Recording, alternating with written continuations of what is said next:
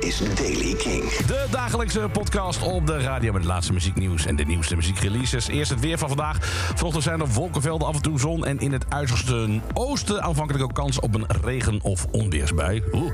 Het wordt zo'n 21 graden op het strand en 27 graden in Limburg. Zometeen nieuws over Dark Side of the Moon van Pink Floyd.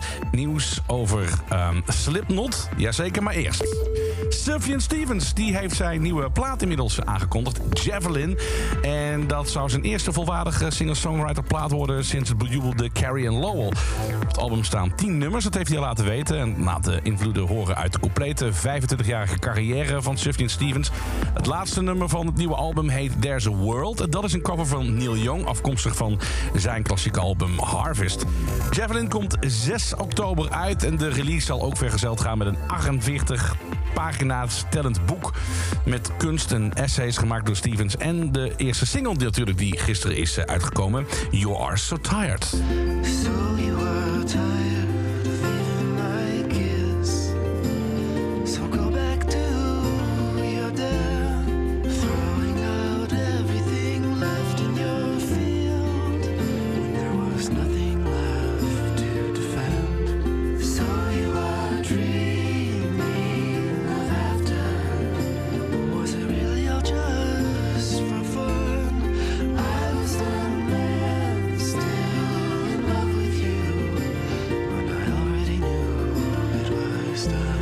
Sufjan Stevens dus en So You Are Tired. Een nieuwe nummer dat dus uitkomt op het album Javelin op 6 oktober.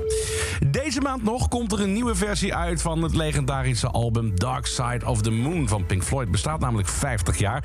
Roger Waters heeft besloten om het hele album opnieuw op te nemen. Zonder de leden van Pink Floyd overigens, want daar heeft hij al jaren een hele slechte relatie mee. Maar nu heeft de drummer van zich laten horen, Nick Mason. ehm, en hij noemde het absoluut briljant. Annoyingly, it's absolutely brilliant, zegt hij.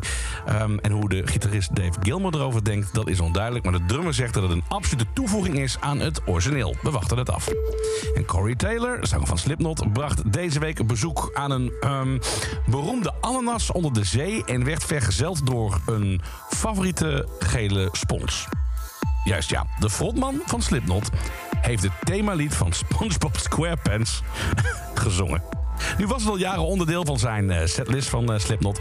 Maar afgelopen weekend was er een eh, Huntington Comic and Toy Convention in West Virginia.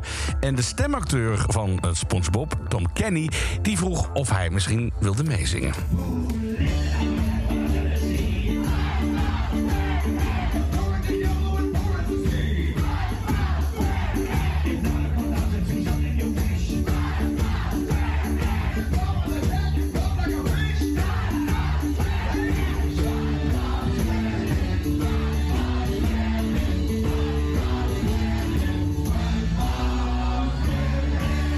Dus als je dacht dat Foo Fighters en Michael Bublé al raar was... Dit eh, kan er ook wel bij, hoor. Slipknot zingt het liedje van SpongeBob SquarePants met SpongeBob zelf. Goed, tot zover de Daily King van vandaag. Meer muzieknieuws en nieuwe muziekreleases vind je op kink.nl. Of je abonneert je op deze podcast. Of je luistert, je kan het trouwens ook en en. Het hoeft niet altijd of of te zijn. Je kunt ook natuurlijk luisteren naar Jasper Leidens... naar de show Kink in Touch. Iedere maandag tot en met donderdag tussen 7 en 11. Elke dag het laatste muzieknieuws en de belangrijkste releases in de Daily King. Check hem op kink.nl of vraag om Daily King aan je smart speaker.